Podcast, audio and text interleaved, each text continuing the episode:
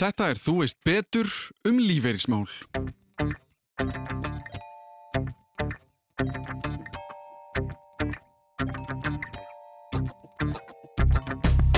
Og viðbúta lífri sparnaður að mínumatti er forsenda fyrir því að fólk getur lifað vel fjárhagslega í ellinni. Ég hugsa alltaf hverju hefur að tapa með því að leggja eitthvað smá fyrir. Íslendingar bara eldast og eldast og eldast að meðaltali og þegar við fyrir um eftirlaun að þá verða 70 ára og eldri og tvöfalt hæra hlutvall þjóðarinnar heldur en er í dag. Í þessum síðasta Þú veist betur þætti fyrir sumafrí ætlum við að tækla málefni sem snertir okkur öll því öll verðum við eldri, gömul myndi kannski einhver segja og þá skiptir máli hvað tekur við þegar við förum út af vinnumarkaði og þar koma lífeyrissjóðunir inn. Kerfi sem flestum finnst sjálfsagt en þeir auðvelt að gleyma því að það kerfi kemur til sögunar í hverju mánuði þegar að laun eru greitt út en hvernig kom þetta kerfi til, hvernig er það sett upp og hversu mikið þurfum við að pæla í því. Ég fekk til mín Björn Berg frá Íslandsbanka sem sum ykkar kannast hugsanlega við úr þættinum um fjármál fókbaldans til að fara þessi yfir málinn með mér en það eru fáir á landinu með meiri þekkingu á þessu kerfi og hvernig sé best að nálgast það. Svo ef þið viljið eiga þægileg eldri ármæli með því að leggja við hlustir en við byrjum á kynningu frá viðmælandunum sjálfum. Já, ég heiti Björn Berg Gunnarsson og er deildarstjóri greiningar Íslandsbanka. Ég hef unnið í Íslandsbanka núna í ykkur 14 ár og kom þaðan úr uh, fiskmiðlun Það hafði verið í, í hérna, bæði á Íslandi og smottir í bandarækjunum, það vinna ég á fyrirtæki með því. Uh, ég hafði verið í eignastýringu sem þýðir í rauninni, ég var að aðstofa fólk við það að koma peningunum sinu fyrir, áhersla peninga, hvort sem var lífeyrismál, uh, hérna, sjóðir, verbreyð, hlutabreyð, skuldabreyð og svo framvegis. Síðan hef ég svona í auknum mæli fæst yfir í það að, að halda utanum fræðslumál í bankunum, námskeiðahald, greinaskrif, upplýsingar á vefin og, og svo framvegis. Og svo núna í setjum tíð að, að halda sömulegis utanum frábæra litla deild sem við höfum sem að e, sérum greiningar, það er að segja spár varðandi efnahagslífið á Íslandi. Það sem við erum að reyna aðeins að líta í framtíðina, átt okkur á því hvað stefnir varðandi verðbólku, vext, húsnæðisverð og svo framvegis, en líka að reyna að miðla því á mannamáli sem þegar er búið að gerast.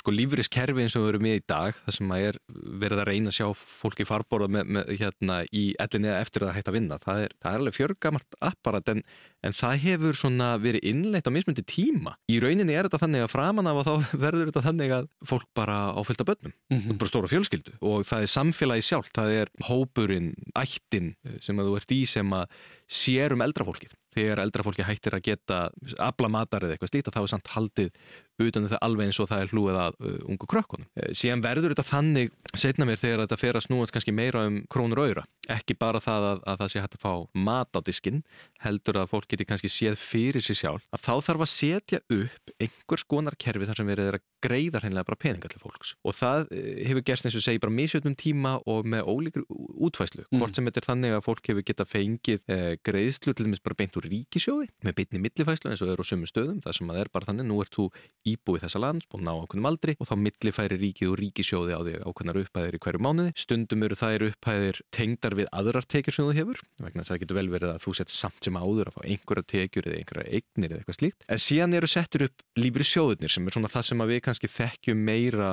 í dag.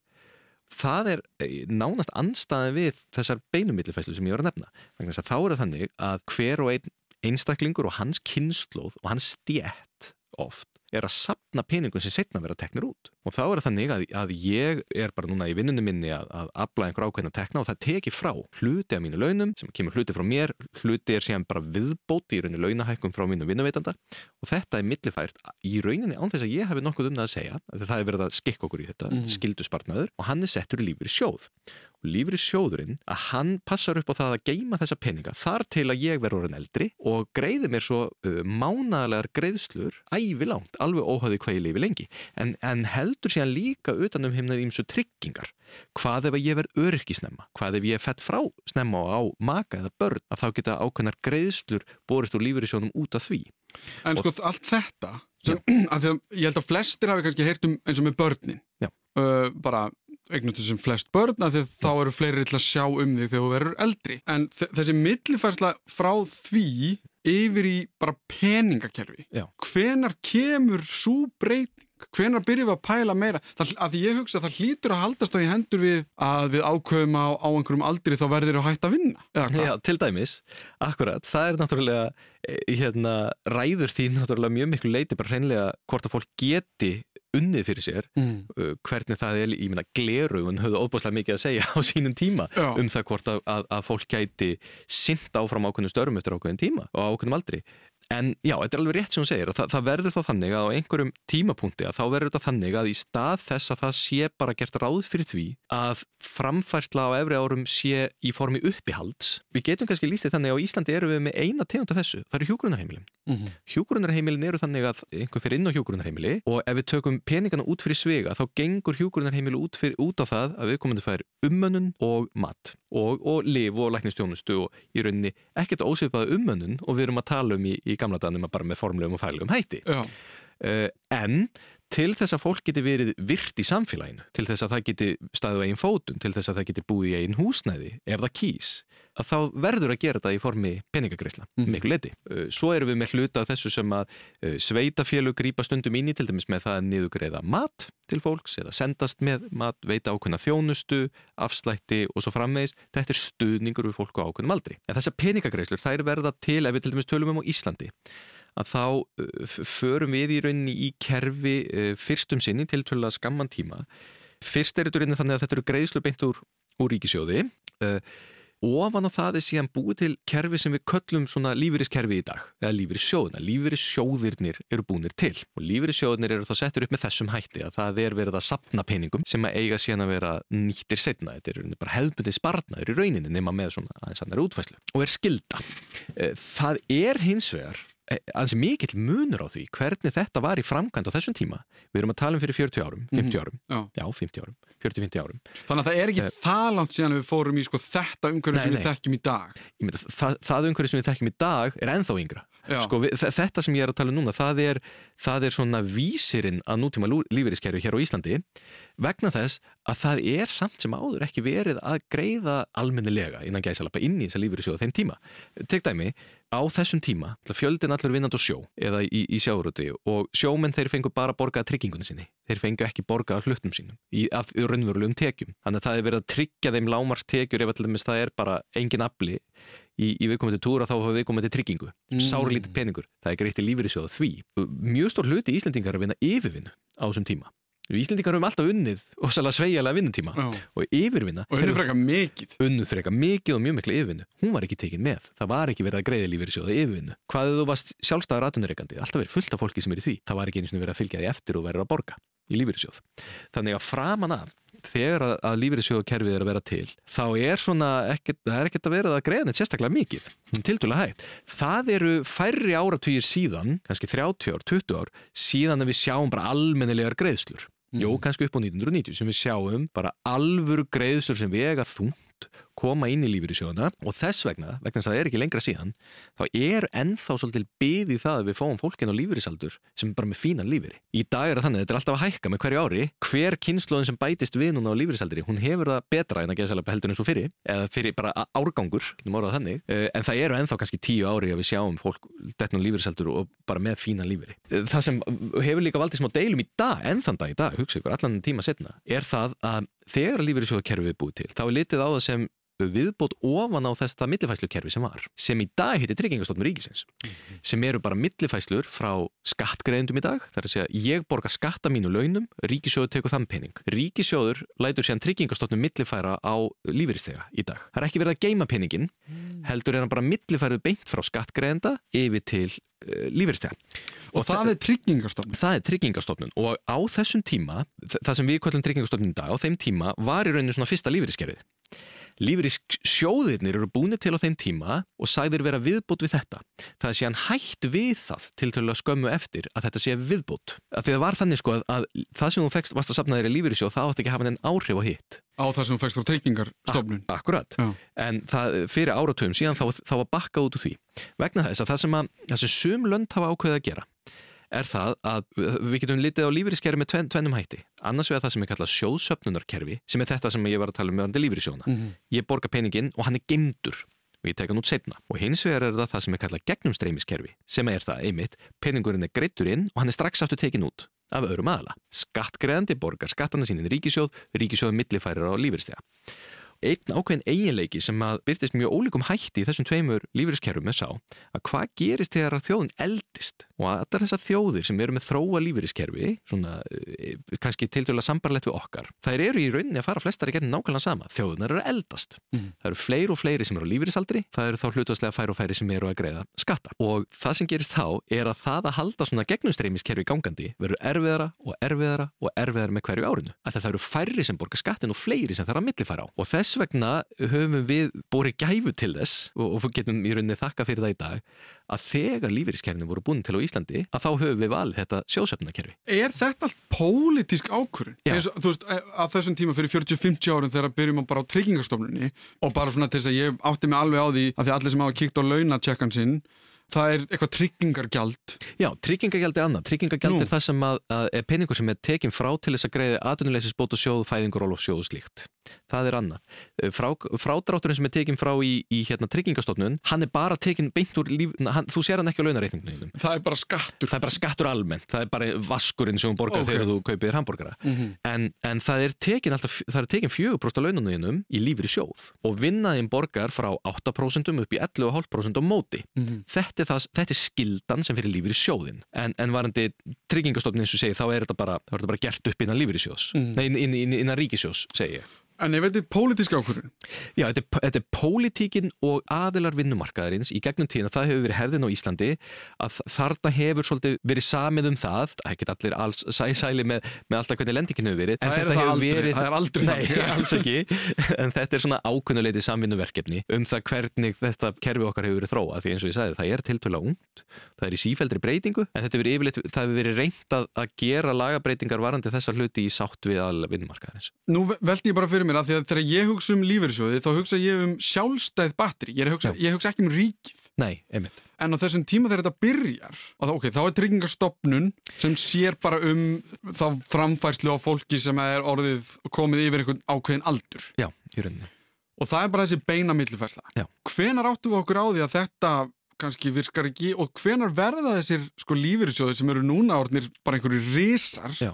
Eru það bara svona nokkur neginn bara fyrirtæk sem verða til og byrja að segja heyrðu komið og látið lífyrsbarnaðin til okkar eða hvað? Þeir eru ekki stopnaði með þeim hætti svona sjálfsagt, Nei. sjálfstætt Nei.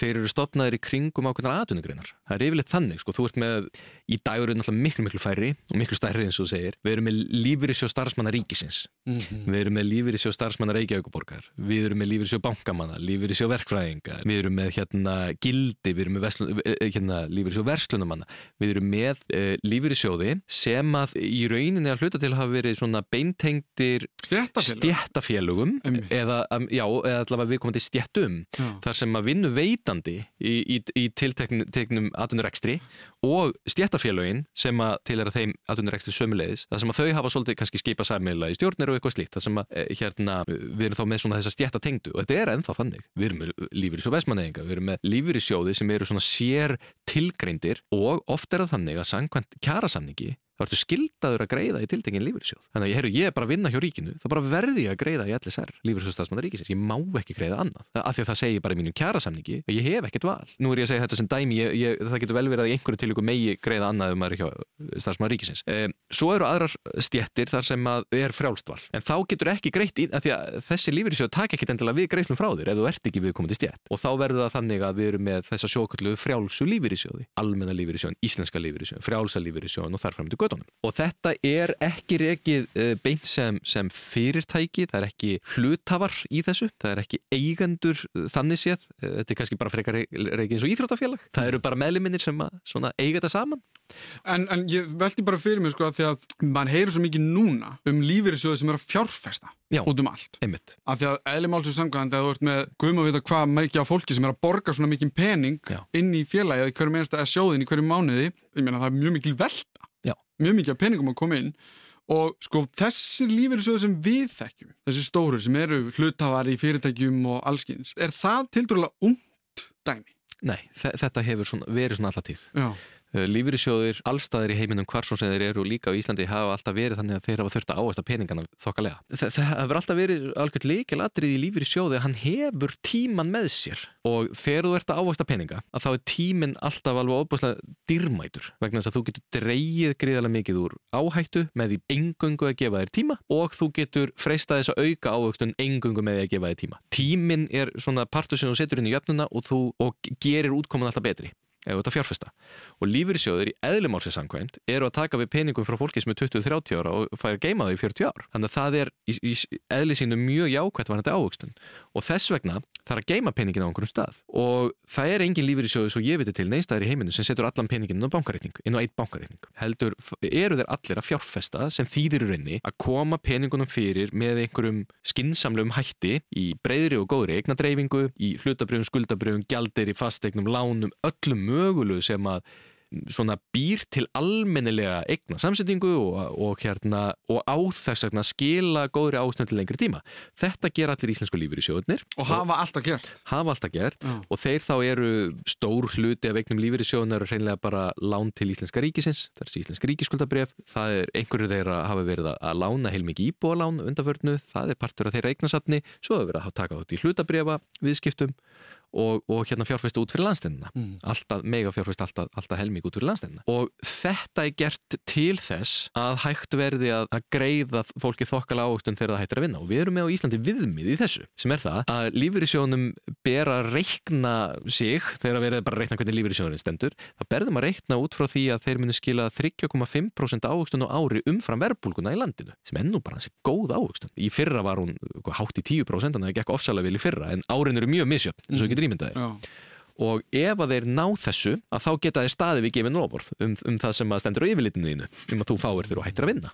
Ef að það gengur verkja um að þá færi minna. Og, okay, og þannig sko að því að fólki finnst aldrei gaman þegar það er tekin að um einhver peningur sem það er búið að vinna sér inn. Skattar eru eitt sko. Já. og við ætlum ekki að ræða þá hér. En hvernig var tekið í það? Vitu við það eitthvað? Þegar að það segja ok, við erum með skattakjörf í Íslandi við ætlum að koma með annar kerfi það sem er tekið á þér meiri peningur en við erum nokkurnu veginn að segja við þig við erum að reyna að hafa vit fyrir þér. Já, já það getur ekki að hafa verið vinsælt að selja fólki þessa hugmynd Já. um, herðu, við ætlum að taka peningin og þú farið ekkert um það ráðið að því við ætlum bara að gera þetta að skildu ég meina, fólk lítur að hafa verið svona að ég veit nú ekki, ég væri til í að eiga þessam pening bara núna. Það sem ég held að hérna, hafi gert þetta auðveldara er mótframlægi frá vinnuveitanda Og það hefur alltaf verið? Já, það, ja, ég man nú ekki hvort það hefur alltaf verið eða hvernig það hefur verið en það hefur alltaf verið að aukast. Mm -hmm. Það skiptir bara svo mjög máli. Ef einhver segir, heyrðu, við ætlum að taka þig 4% og segja, nei, ég tímið ekki. Já, en við ætlum að gefa þér 11,5% á móti. Mm -hmm. Þá segir þú já. Til, þetta er alveg sem með viðbóta lífeyrispartnaðin sem já. er raunin svona viðbót við þetta lífeyriskerfi. Þar sem að það verið að segja, vilt þú greiða 2-4% í, í viðbóta lífeyrispartnað? Þú segir, nei, ég vil frekar hafa þessa peninga. En ef ég gef þér 2% á móti, mm -hmm. þá segir þú já. Þannig að þetta hefur minna, við vorum með skildu sparnað á sínum tíma sem var ekki lífyrirsparnaður og ekki mótframlag. Það var bara að skilda fólk til að spara allir fyrir sinni fyrstu íbúð. Og svona kerfi það verið ekkert verið óbúslega mikið deilt um þetta. Það verist svona, ég held líka bara því að reynslan hefur alltaf verið svo að það var nú betra að gera þetta en að gera þetta ekki. En við erum í dag, því við töluðum ánum það að, að, að svona, fyrstum sinn var þetta þannig að við vorum með þannan grunn sem var, var greitur hann bara í svona gegnum streymiskerfi. Svo uh, byggum við til lífyrirsjóna þar ofan á.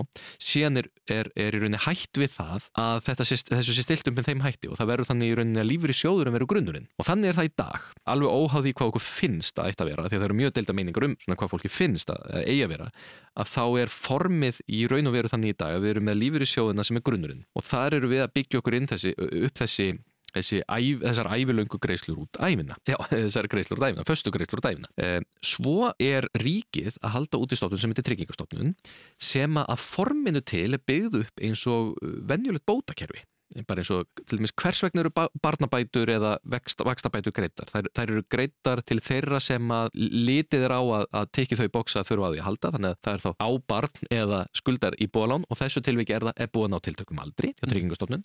En við lækum greiðslunar eftir því sem tekið fólks eru hærri. Þannig virku öll bótakerfi og líka tryggingastofnun. Þannig að það er, er litið þannig á að, að tryggingastofnun til dæmis í dag tek, eða ríki tekur frá einhverja, mann ekki töluna 80 miljardar eitthvað svo leið, svona eitt tíunda af, af, af fjárlögum í eðlu árferði sem að tryggingastofnun látum fá og látum millifæra til uh, lífuristega á Íslandi eða fólks yfir ákveðnum aldri eftir því hvort að ríkið telur það að þurfa að þeim að halda.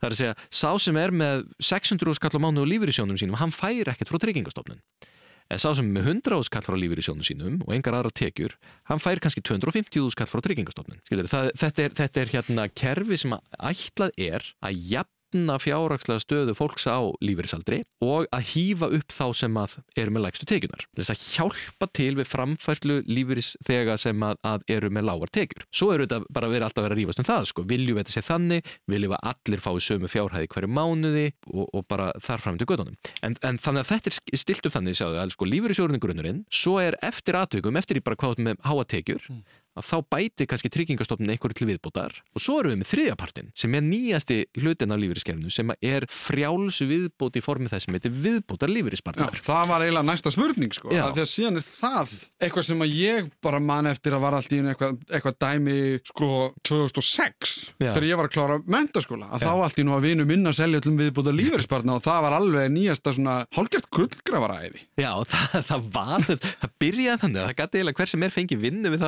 eiginlega að selja þetta Já, og fá prósendu af því sem hann eitthvað, ég man ekki hvernig það var. Jújú, jú, það var, var nákvæmlega þannig og síðan er búið að breyta því og, og kostnaðastruktúrin varandi íslenska sérðanspartnað er orðin þannig að það er enginn að selja þetta. Þetta er bara, þetta er mjög ódýrt kerfi, þetta er bara í bóði og, og það er vola lítið verið að íta þessu að því að þetta er líka bara algjörlega sjálfsagt. Selur sér sjálft, það eiga bara allir að vera með sérðans viðbútalífispartnað,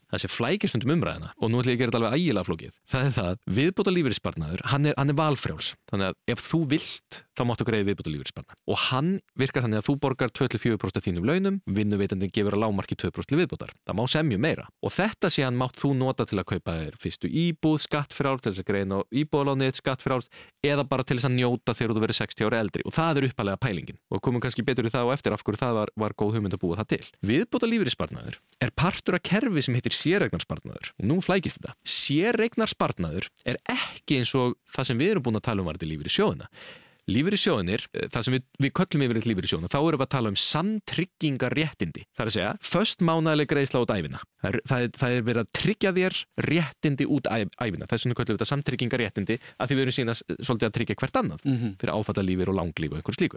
Sérðansbarnaður er bara krónutala sem þú átt á þinni kennutölu og þú getur síðan bara klárað, bara eins og peningurinn á bankareitninginu. Og viðbúta lífeyrisbarnaður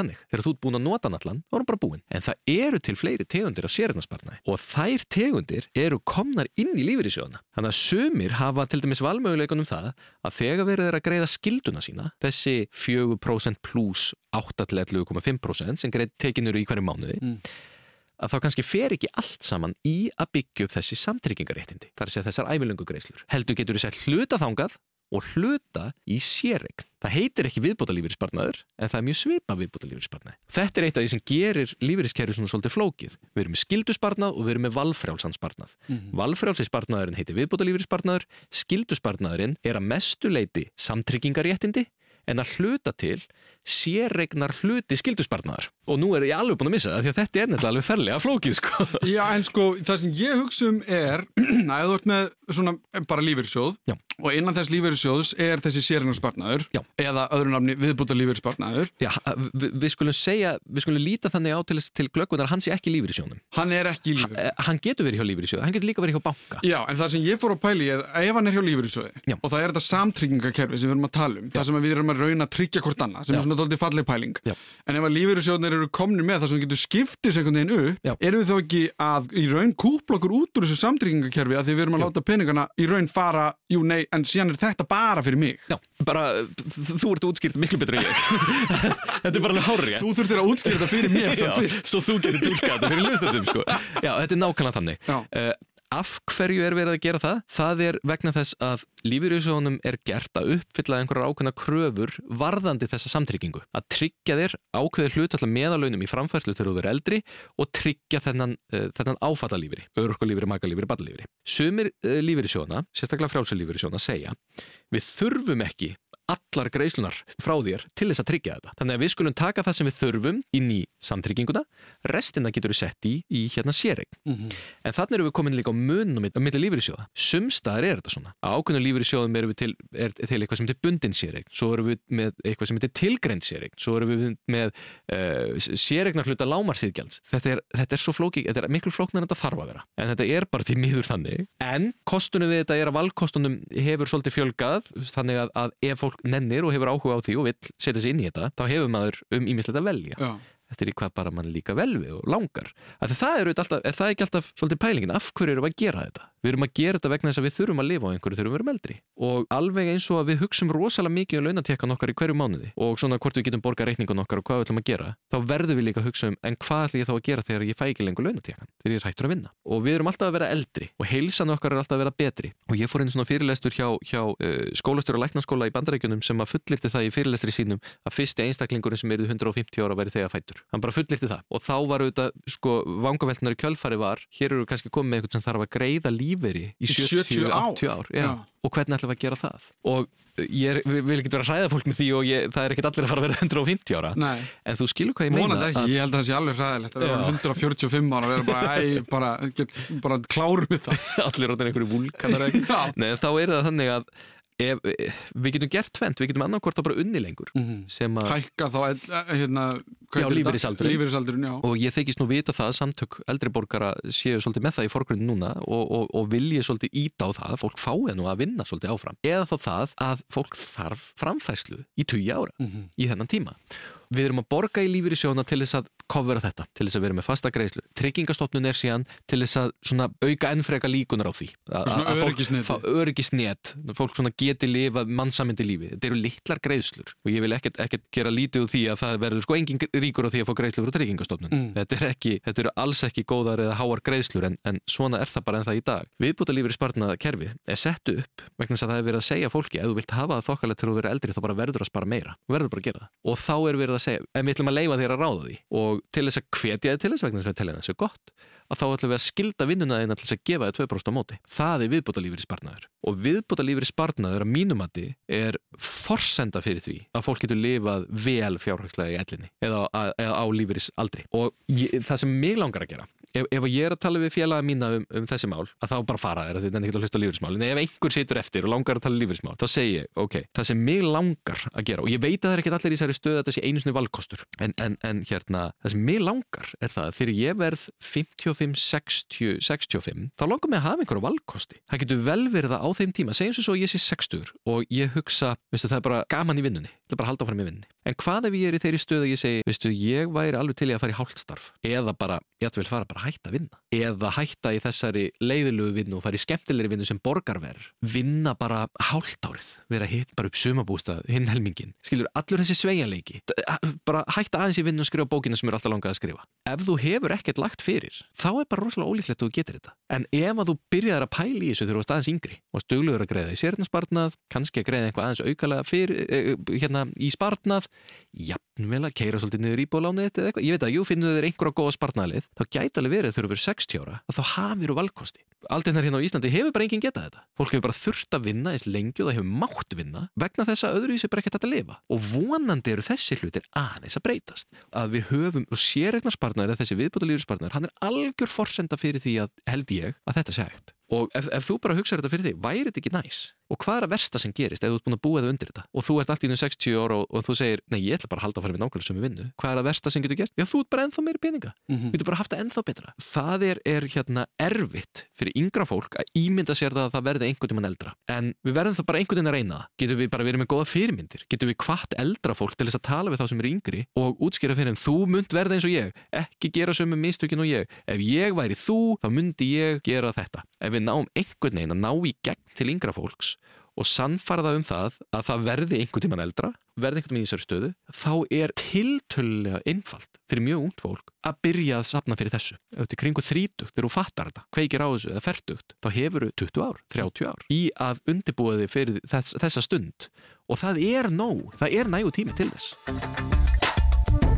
Við höfum núna aðeins farið yfir söguna og hvernig kerfið var til og hefur breyst í gegnum tíðina. Það er ekkert sérstaklega gamalt og snýst auðvitað alltaf um framtíðina svo það er ekkert hlaupið að því að tala um það í förstum skorðum tímalega séð. Þið hafi kannski verið að hlusta og áttað ykkur á því að þið hafi kannski ekkert pælt neitt sérstaklega mikið í þessum hlutum sem er að skipta svona ótrúlega miklu máli í framtíðinni og mögulega orðið smá stressuð. Það vil enginn halda vittlust á spöðunum þegar kemur að árunum sem eiga að vera hvað þægilegust. En þá leikur beinast við að spyrja, hvernig er best að nálgast þetta ef maður hefur áhugað því að taka lífeyrismálinn sín fastar í tökum? Einfaldasta leiðin ef við slettum og tökum, tökum hugtaki reality check sem er svona það að, að hafa þetta bara fyrir fram að sig það er ekkert mál að nálgast þetta það sem þið gerið er þið farið inn á það sem heitir lífur í skáttin farið með rafrænum skilríkjum inn á vefsíðu ykkar lífur í sjóðs og farið það inn á yfirlitið sækið með þessari lífur í skátt sem er núna komin inn á vefin hjálpum lífur í sjóðum yfirlitið yfir alla sjóðlandinu alla þá eitt sinni eigið. Þarna er verið með þess að uppreikna þetta þar til að þú verið eldri. Þar færið einhverja hugmynd. Þetta verður ekkert nákvæmlega þessi tala en svona allavega er næsta sem að kemst að gíska þá sérðu tölu og þá sérðu, herru, það er verið að gera ráð fyrir því að ég myndi lifa hérna á 350 skall á mánuði þegar ég verð eldri. Ok, þú veist þessar upplýsingar. Ef þú ert að leggja fyrir í sérnarspartna þá getur líka uppreiknaða með einhverjum okkur mætti og bara muna það, það þarf að taka skatta af þessu og eitthvað slíkt. En, en ég menna þarna ertu allavega komið með einhverjar upphæðir. Þetta byrjar alltaf þannig. Þetta er eina leginn til að byrja. Mhm. Að bara þú verður að hafa einhvern raunveruleika fyrir fram með þig. Ekki bara hlusta á einhvern júdorpinu og abstrakt byrja að spara. Heldur bara, þetta er það sem er fáðið til þess að átta þig á því. Ég vil frekar, í staðin fyrir að kaupa mér eina pizza á mánuði þá vil ég fara að leggja fyrir út af þessu. En sko til dæmis ef, ef, ef að núna, af því að þetta er Já. þar er. En ef ég bara veit ekkert í hvað lífeyrissjóði ég er, hvar sé ég það? Inn, inn í lífur í skáttinni. Já, þannig að þetta er bara lífeyrisskáttin.is Nei, nei, nei. Þú ferð bara inn á lífyrirsjóð hjá, nei, hérna vefsíðu hjá einhverjum lífyrirsjóði, mm -hmm. skráðu þar inn uh, þú ferð bara þar sem þú heldur og eigi kannski Já, já, réttindi, já, óbúslega margir lífyrirsjóði veslunamanna, það er fínt að byrja þar, já, ferð bara einhvert og hérna, og þá eru bara yfirleitt sótt þá sér þetta, ok. Sér alls, og þá séru líka sko 300 kallinn sem þú átt einhver starf að því þú varst að vinna videolega eitt sumar, sko, það er einmitt það sem ég hugsaði líka sko. Já, en- sér þetta allt þar. þá kannski komum við að þessu að það þarf einmitt kannski raunveruleika tjekkið Já. eða stuðið að fólk átti sig á því að það sem það heldur að sé kerfi sem muni gera það verkum að þau lifi bara frekar fínu lífi þegar þau verða 67 ára eða eitthvað. Er ekki alveg þannig. Já, og þetta er mjög kynnslóða skipt en þetta er alveg rétt hjá þér að eh, ég held mjög átt fyrirlestra fyrir, fyrir fólk sem er hægt að vinna. Starfsloka fyrirlestra varandi fjármál. Og flestum bregður þegar eh, það eru margir sem koma til mín þegar þau eru aðeins byrjuð að kynna sér málin og fólk er bara bráð þegar það leita á yfirlitið. Hjælt einhvern veginn eins og þú sagði, hjælt bara að þetta væri aðeins meira af því að það var alltaf samvinskusamlega búið að vera að greiða og það var búið að segja um að þetta er peningur sem að mun næja til að lifa á þessu en það er tiltölulega lítið. Núna hins vegar var bara rétt um daginn og var verið að kynna uh, það var uh, talnakönnun minni mig sem að hafi gert skýslu sem var kynnt hjá, var það hjá Brú hjá lífyrísjónum Brú, ég er, ég er að muna hvaða lífyrísjóður það var, geti það verið annar lífyrísjóður það sem verið að skoða þetta yfir kynnslóðir sko. en hvað með þá sem er yngstir Mm.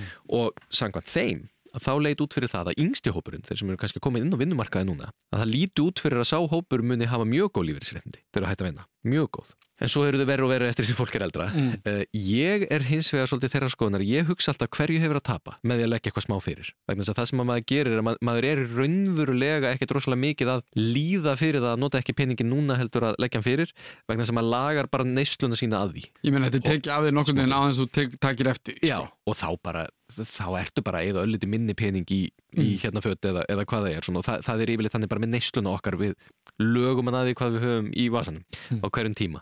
Eða ekki, sem að stundum brennur sig inn á en það er alltaf en, en hérna ég- vil frekar hugsa þannig sko þetta er mjög dýrmætur og mikilvæg tími þegar þú hættur að vinna og ætlar að sinna áhuga málunum og börnum, barnabörnum og ferðast sko heiminn og njóta þín og þú hefur heilmikið við pening að gera og þú vilt ekki eigða þessum árum í fjárhagsvandræðum. Þannig að þó ekki sé nema bara til þess það sem ég var að tala um að hafa einhverja valkosti og fara á krús út lútlanda það er allt bara luxus, ég er bara að tala um luxus og hann er aðeinsluður en þó ekki sé nema bara til þess að tryggja sér fjárhagslegt öryggi og maður sé ekki með hnút í manum og get ekki verið með áskrifta þeim fjölmili sem maður vill eða þú veist fara annars slæði út að borða eða mm hvað þetta er sem maður langar. Þó ekki sem bara til þess að tryggja að lenda ekki þeirri stöðu að þá er ofsalega gott að hugsa sem svo ég ætla ekki að treysta algjörlega í blindni á lífyrísjóðin við getum alveg upp að vissu marki treysta á það. Og það er bara í góðulegi og við erum mjög heppin að mínum að með það svona hver, hvernig í, í, í grundvallaradröfum við byggt upp lífyrískerfi okkar. En ég vil frekar kjósa því ég held að það innleiði hjá mig betri hegðun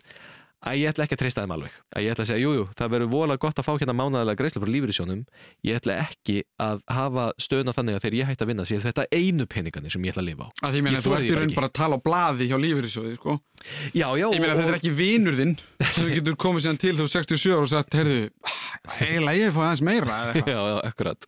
Nei, nei, það er, og bara nú er ég búin að hitta nógu marga sem að eru í þessari stöðu að þurfa, um, þú veist, að draga saman í matarinkaupum og öðru, akkurat þau vildu frekar eiga pín tíma í, í eldhúsun og njóta lífsins. Já. Og, og þetta er, er hérna, eins og segi, ég, ég, ég sé ekki að maður tapi á því að leggja aukala fyrir.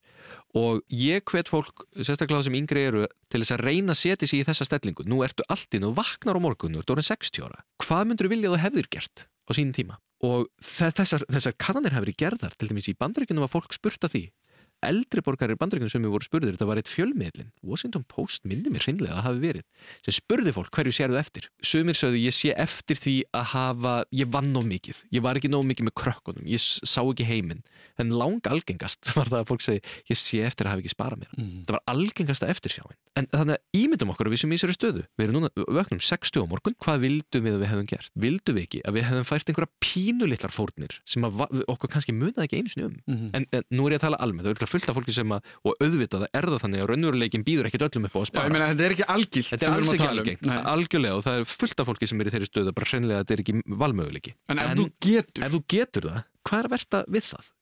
hver er neikvæða hlið? Nú ertu búin að vakna 60 eða 60 og þú átt sparifið sem þú getur notað í að opna fyrir alla þessa valmöguleika og þessa kosti og ég held að eftir því sem við þróum sem vinnumarkaður og sem samfélag og, og, og við sjáum hvað er að gerast á vinnumarkaði alltaf verður það bjóða upp á fleiri og fleiri möguleika bjóða fólki að taka hálfan lífir á móti hálfu starfi og svo framvegis að eitt að því verði þetta að þegar fólk er aðeins yngra og hefur fulla hilsu til að þá geti það tekið svolítið djarvar ákvarðanir eins og þessa. Mm -hmm. Heru, nei, veistu, ég ætla bara að fara í hálft starf njóta lífsins í tíu ár. Þetta er bara risastór ákvörðin ég er sko að laka til þú það ég líka, mér langar rosalega mikið að hafa þetta besta sem að ég get hugsað mér það að það verði svo gaman í vinnu ég vil ekki nýta þetta. meina, það er er ekki sko.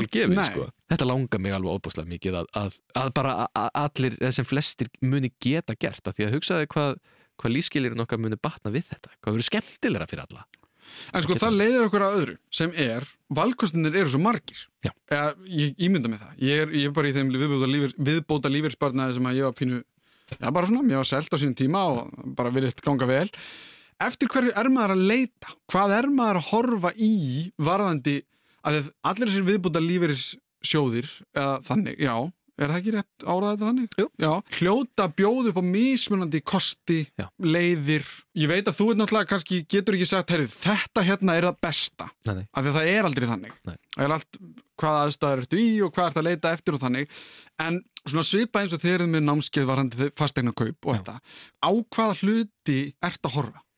Sko á Íslandi, á íslensku lífyrirsjóðum og ísl, íslensku viðbóta lífyrirsparnaði sem er þá bóðið upp á hjá, hjá böngunum og lífyrirsjónum þá er frambóðið eða úrvalið er ofbúsla svipað. Þú, þú getur valið er annarkort að, að sko annarkort getur valið tiltekna staði til að setja peningi, ég vil hafa hann á verðtröfum bankareikningi ríkiskuldabriðum einhverju blöndu og milli einlendur og ellendra mynda og, og Þú ert að velja um og Þú sem þau að- fara Já, Já. þú ert að velja fjárfestingaleið sem, sem að peningurinn er settur inn í og svo sér bankin eða lífyrirsjóðunum að stýra því.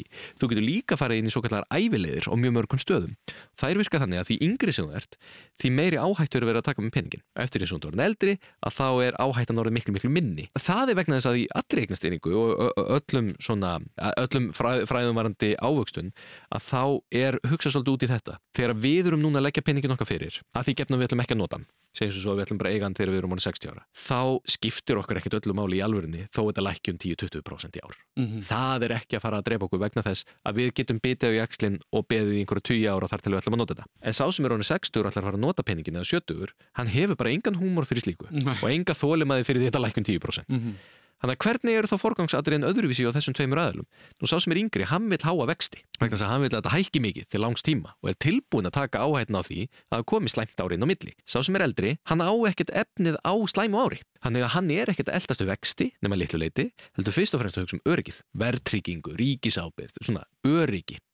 Og þetta er þá það að eftir aldri breytist það sem þú ert að leitað. Já. Sá sem er yngstur, hann er að leita að góðri ávöxtun, hann er ekki að skoða hvað er búið að vera að gerast aftur í tíman af því að það er fljótlegst að leiðin til að tappa peningum, heldur vilja bara góðan stað með peningana sem á eftir að ávæstast vel til lengri tíma. Sá sem er eldri, hann er að hugsa um öryggi, yfirleitt.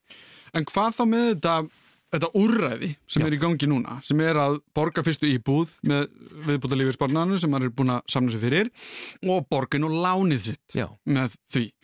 Af því ég ætla að útskýra hvernig ég horfi á það. Ég horfi bara á, á það sem frábært dæmi. Af því ég horfi, ok, ég get mér íbúð og ég get lækkað greiðslunda mínur á mánuði.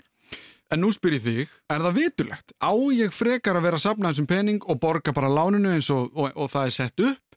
Hvernig á ég að snúa mér í þessu? sko eitt af því sem að sem að beiglar svolítið svari mitt við þessu er það að í þessum sérstöku úrræðin sem þú ert að nefna að nota það sem þú ert búin að sapna til útborgunar í fyrstu íbúð eða láta yðgjöldin mánaðilega fara inn á húsnæðislandið þetta er skattfrjálst. Mm. það breytir svarinu mínu. Og vegna þess að þetta er skattfrjálst sem þýðir að í stað þess að þú þurfur að borga 30-40% skatta þessu að þá getur þú nota þau 30-40% bara beint inn á húsnæðið það verður að gefa þér þá peninga eða ríkið segir nei takk. Já, og sveitafélagin í Já, við búið að tekka, ég man ekki. og, og hérna, já, þetta gildir út eða það er að segja að það er grein og láni gildir út júni 2023 Já, tvö ár í breyttu já.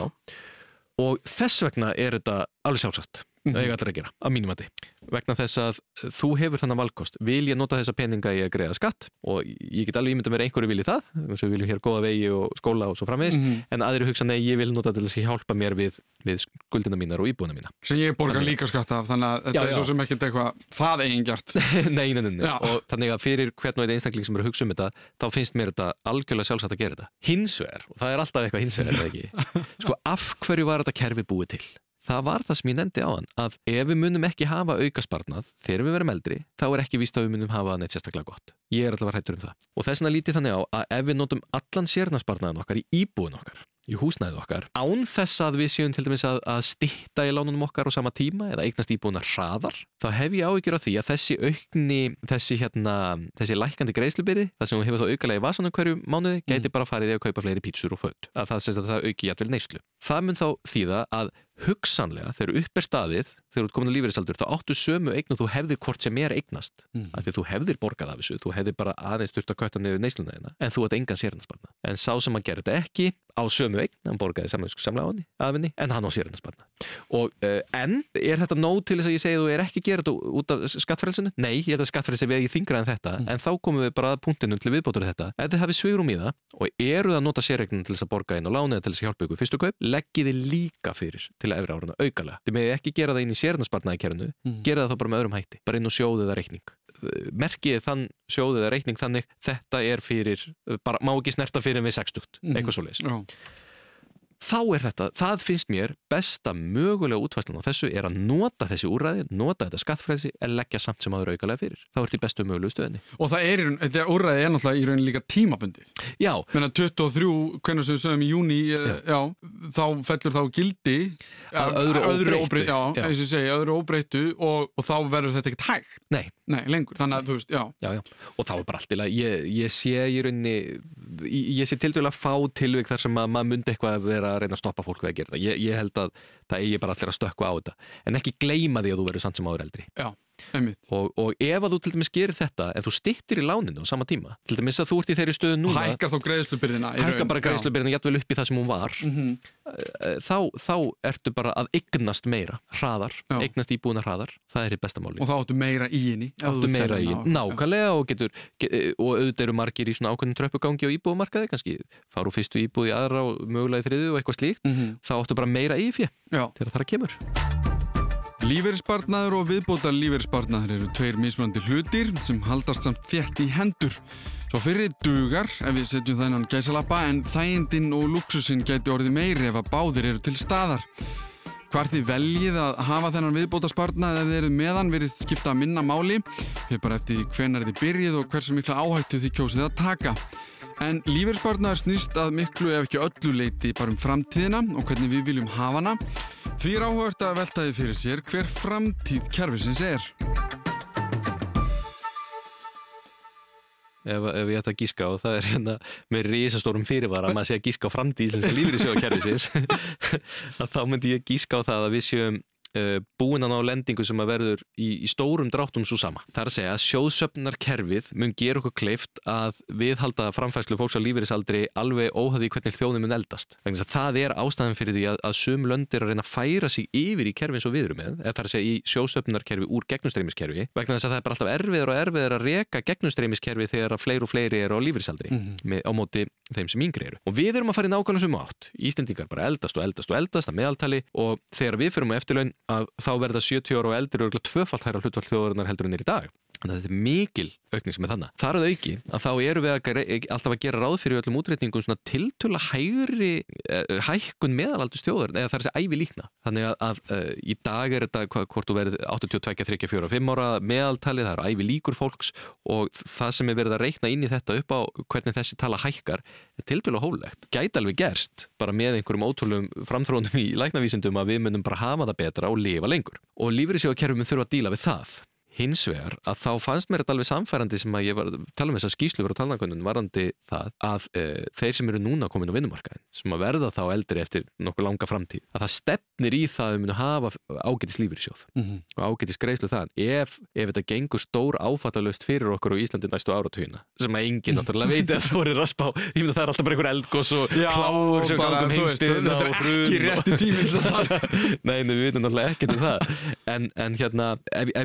gíska á það hvernig fólk mun hafa það í framtíðinu þá myndi ég halda að lífriðsjóðakerfið verður sterkara í framtíðinu en það er núna. Sterkara fjárhagslega burðugra og færara um það að veita fólki betri framfæslu en það getur í dag. Það held ég. Þegar framfæsla fólks á lífeyrisaldri í dag er ekkert sérstaklega góðu lífeyri sjónum. Þannig að eftir 20-30 ár þá held ég hún verði miklu miklu betur hún er í dag. Uh, ég held auk þess að það verði þá þess vegna minni þörf fyrir tiltölulega almennar greiðslur og tryggingastofnun. Nú er það þannig að það er svo margir að fá greiðslur og tryggingastofnun. Þess vegna er svo erfitt að greiða þeim sem að þurfa mest á því að halda almennilegur og góða greiðslur. Mm. Þannig ég held að það myndi að hlutverk tryggingastofnun myndi breytast í það að vera ölliti sérhæfðara í það að styðja betur við þá sem þurfa mikið á því að halda aðrir sem að munu eiga mjög góðan lífur í sjóðu munu ekki fá greiðslu þaðan. Held ég eins og er að þetta þýði þá að það veri ekki þörfu á öðrum sérhæfðspartnaði. Nei, alls ekki. Ég er algjörlega samfærður um það að sérhæfðspartnaði kerfið og annar frjálspartnaður og svona það að huga eins að skuldsetningu í búrhúsnaði muni alveg vera jætn mikilvægt og áður. Og það er meðalans vegna þess að ég held að eftir því sem við eldumst að þá munum við vera kröfuharðari á útgjöld. Ég held það. Heilsan okkar verður vonandi betri. Fólk er að alast upp með þeim hætti að það gerir ríkari kröfur varðandi enga neyslu og ég er ekkert bara að tala um að vera á dýrum bílum eða fara til útlandi eða eitthvað slíkt. Ég er bara að tala um hvernig mat við borðum, hvernig við klæðum okkur, hvaða áskriftir við erum með, hvernig menningu við sækjum í og svo framvegis. Ég sé fyrir mér að lífurist þegar eftir örfáa áratíði muni eigða meiri peningum, muni, muni nýta lífrisárin í það að vera meira út á meðal fólks og, og, og hérna hafa fjárhastlegt svigrum í það sem er gott. Já þegar þá kannski byrjum við að, að, að sko, hættum við að hunsa. Já. Er það ekki? Algjörlega. Það, það er eitt af því svona sorglega sem maður, maður sérvarðandi bæði vinnumarka og samfélagið er það hvernig sko fólk er eiginlega bara tjekkað út og hvart bara á ákveðum aldri sem er alveg. Já, og er bara einhvers konar leifara einhverjum gömlum úröldum hugsunarhætti sem á ekkert við í dag held ég. Þannig að ég held að, að við séum allavega þeirri leif núna. Það sýnist mér allavega að þetta verið stefna í þá áttina að það verið betur og betra. Fjárhægu fólks verið betri, að það verið betur hægt að stiðja við fólk fjárhagslega er ekkert bara að tala um styðja við eitthvað frá rík, ríkisjóðu öðru heldur líka bara þeirra eigin spartnaður muni reynast þeim drúur þegar þau taka nút úr lífyríssjóðunum og að, að þess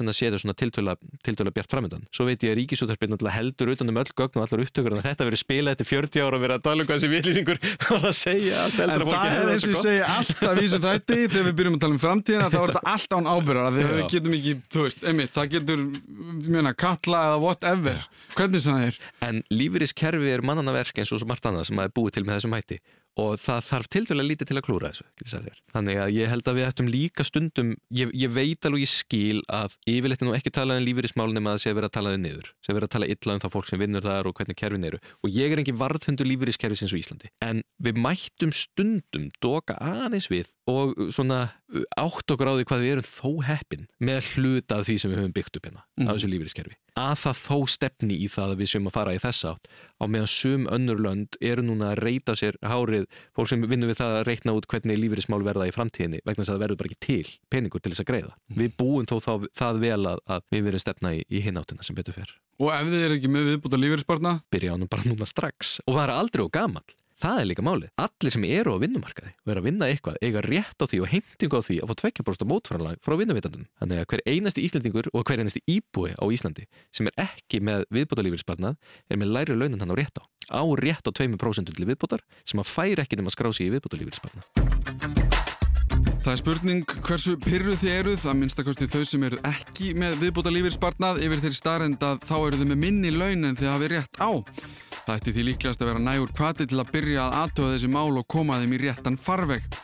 Það er verðt að benda á að hvorki þáttastjórnandi nýja viðmælandi vilja beina fólki í einhver ákveðna átt eða fyrirtæki því þurfa að ákveða það sjálf en framtíð ykkar vegna er að minnst að kosti ekki slæm hugmynd að pæla í þessu. Það er aldrei of seint og líklegast aldrei of snemt. Þó það sé auðvitað ekkert skemmtilegast í heima að vera að pæla of mikið marga tugi fram í tíman þegar maður veit varlega hvað maður ætlar að hafa í matinn eftir viku en ég vona því að hafa haft gaman af og lært eitthvað nýtt. Ég gerði það svo sannlega. Ég þakka Bitni Berg fyrir komuna til okkar og þakkum leið fyrir mig. Þátturinn er komin í sumafrí en snýr aftur í haust hefur fræðumst um fleiri hluti sem eru allt í kringum okkur. En þanga til, njótiði sumarsins og byrjið að spara. Þetta var Þú veist betur um lífeyrismál.